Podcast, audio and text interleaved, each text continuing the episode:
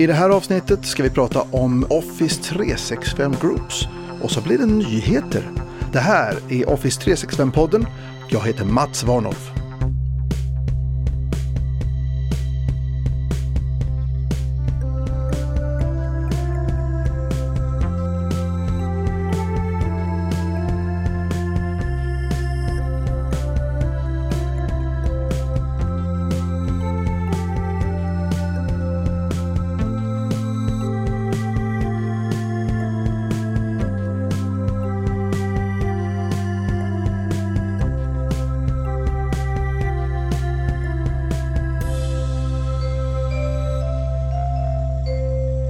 Det finns en stor förvirring rörande Office 365-grupper, eller moderna grupper, eller Unified Groups, alltså kärt barn har många namn.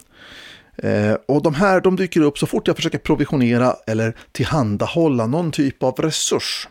Eh, som till exempel jag behöver skapa en mailgrupp eller något sånt där.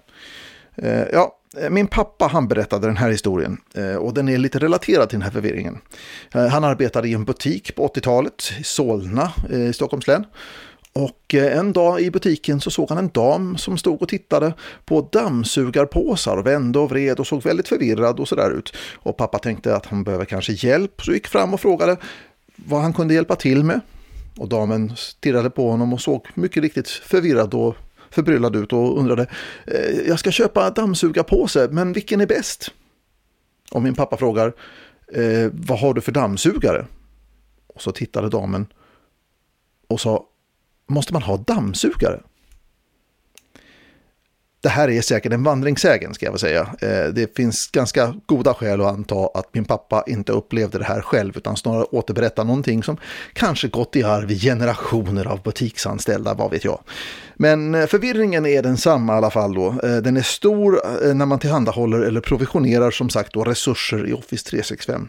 Användare 1 ville ha en mailgrupp men fick också en SharePoint-sajt eh, användare två ville testa Planner men fick också både en mailgrupp och en SharePoint-sajt.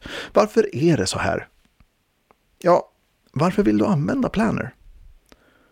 Är det för att organisera ett projekt och hantera uppgifterna i det kanske? Sannolikheten är ju ganska stor att du också då behöver kunna hantera dokument och filer som hör till det här projektet. Och kanske vill du hålla ihop konversationerna som rör det här projektet i en mailgrupp. Alltså du behöver oftast fler resurser än vad du har tänkt dig. Men kan man inte bara skapa de där resurserna själv kan man ju fråga sig.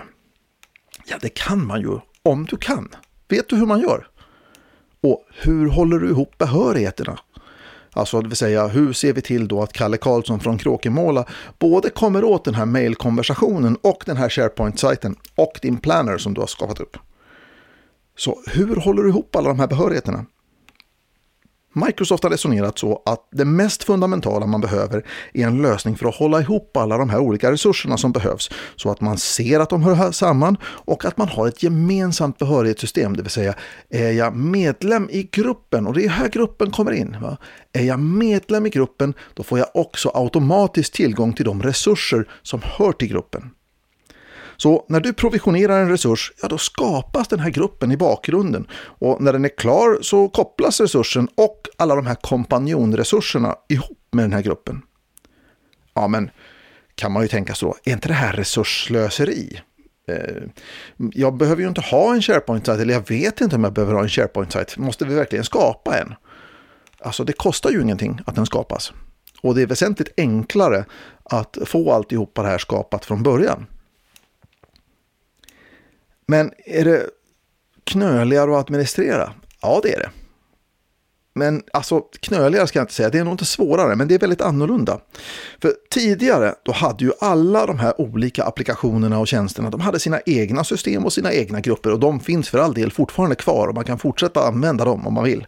Men numera så är det ofta så att de här kopplas istället till Office 365-grupperna. Eh, men vilka resurser får man då? Om man skapar den här gruppen? Ja, det här är ju nästa förvirring då, för det beror på.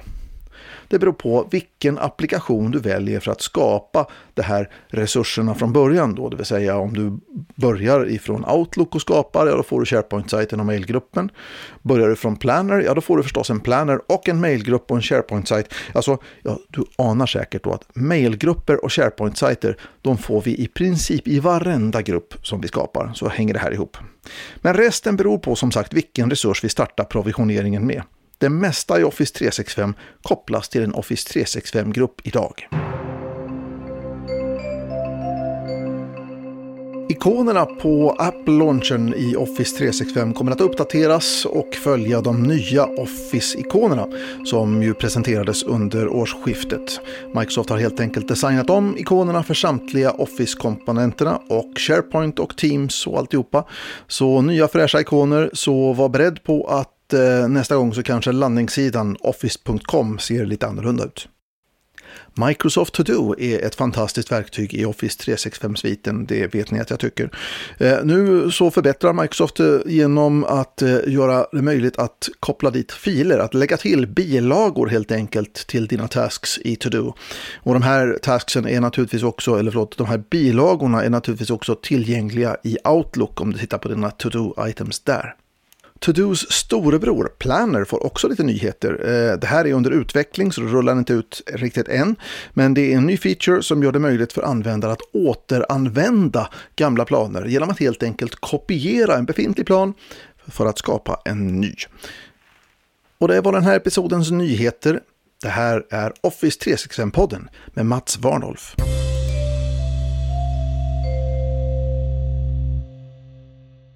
Möten kan vara som att cykla över en frusen åker med en böld i rumpan. Alltså, ja, så formulerar en kollega till mig eh, det här med möten eh, och hans uppfattning om det. Eh, jag tycker kanske att möten kan vara både underbara och dötrista, precis som Askungens bal. Måste det ens vara ett möte är ju stora frågan. Innan jag kallar till ett möte så måste jag ju klura ut om möte är det mest effektiva sättet att göra det som jag behöver göra. Vad är syftet egentligen? Är syftet egentligen bara att jag ska informera? Ja, då kanske det finns mer effektiva sätt att göra det här på. Jag kanske ska göra, skicka ett mail, jag kanske ska skicka eh, en video, eh, lägga upp den på stream, jag kanske ska göra en podcast, jag kanske ska... Ja, vad, vad är syftet? Eh, det som är poängen med ett möte är ju möjligheten att eh, få engagemang i saker och ting. Eh, och bra saker med möten är ju att man kan ställa frågor direkt. Man kan kontrollera att alla har förstått och man kan kolla att man själv har förstått. Man kan skapa samsyn därigenom. Och det bästa av allt är att man kan börja gilla varandra när man träffas. Jag brukar säga att det är lättare att snacka skit om folk som man inte träffar så ofta. Så det finns en, en ganska viktig social funktion med möten också. Men för att ett möte ska vara bra så behöver det vara bra förutsättningar. Det behöver finnas en tydlig agenda. Vad är det egentligen vi ska uppnå? Eh, och gärna i punktform. Sen brukar jag säga att tiden är en faktor också. Hur länge ska mötet pågå egentligen? Vad är den optimala tiden? Och jag gör hellre så att jag bokar ett lite för kort möte och antingen drar över, fast det vill man ju ogärna göra, utan hellre då bokar ett uppföljningsmöte. Så hellre ett för kort möte än ett för långt möte eh, möten som drar ut i det oändliga med raljerande och så vidare, då det är inte så kul. Utan korta möten, det ger fokus. Det gillar jag. Hur gör ni med mötesanteckningar? Ja, det här är ju en, en prekär fråga. Eh, man vill ju gärna att alla ska komma därifrån från mötet då med ungefär samma uppfattning. Och jag, jag har hänt mig massor med gånger till exempel att jag kommer från ett möte, jag tycker att jag har varit engagerad och varit med och alltihopa det här och, och tackat ja till att göra, utföra saker och ting. Och sen kommer jag utifrån mötet och bara, hmm, vänta nu här. Har jag nu dokumenterat allting som jag tackat ja till och när var det jag skulle komma in med de här sakerna? Så mötesanteckningar är ju jätteviktiga. Eh, och ett sätt att göra de här enklare är ju att man har en gemensam mötesanteckning. Antingen så har man en sekreterare som skriver alltihopa eller också så gör man helt enkelt så som jag brukar föreslå att ni tar en OneNote och så delar ni den och sen så har alla sin egen ruta i OneNote, eh, sin egen lilla block och skriver i det. Då kan jag kolla att du har skrivit ner alla dina saker och du kan kolla att jag har skrivit ner alla mina saker och så vidare om det är någonting som måste förklaras eller visas eller någonting så är det ju kanonbra om man kan ha rekvisita med på mötet. Eh, det kan vara i form av ett foto, det kan vara i form av en videofilm, det kan vara en fysisk sak, en modell eller ett faktiskt exemplar av det som man ska göra. Rekvisita är också sånt då som driver engagemang i mötet. Så rekvisita är jätte, jättepraktiskt om man kan fixa det. Sen är det naturligtvis så att man måste följa upp mötet. Och antingen så är mötesuppföljningen ytterligare ett möte eller också så är det ett dokument eller också så är det, ja, jag vet inte. Det finns olika former på uppföljningar. Men bestäm innan ni slutar mötet hur mötet ska följas upp. Och tydliga actions är ju A och O. Tydligt ägarskap, tydlig deadline. Vad ska ordnas? Vem ska göra det? När måste det vara färdigt? Kan man köra möten på distans? Det är 2019. Vi kan absolut köra möten på distans. Vi kan inte köra alla möten på distans eh, därför att vi har den här sociala funktionen. Eh, det finns en slags hierarki kan vi säga. I första hand så bör vi mötas fysiskt. Om vi kan mötas fysiskt så är det jättebra, men det är inte alltid praktiskt. Eh, nästa steg är att mötas med video. Ja, jag vet, du hatar att synas i bild. Det gör de allra flesta tills man vänjer sig. Så, eh, börja köra videokonversationer. Vänj dig vid tanken. Det är inte farligare än så. Du syns när du är där fysiskt också. Du är inte fulare på video än vad du är i verkligheten. Du ser precis likadan ut. Så, videosamtal är nästa steg om man inte kan möta fysiskt.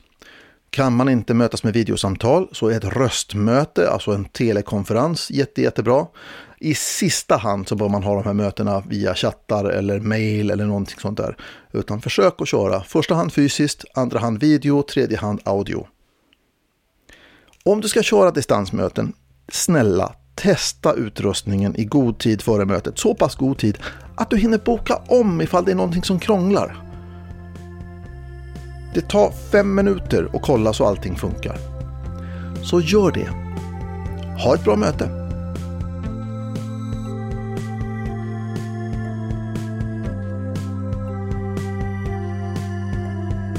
Du har lyssnat på Office 365-podden. Jag heter Mats Warnolf.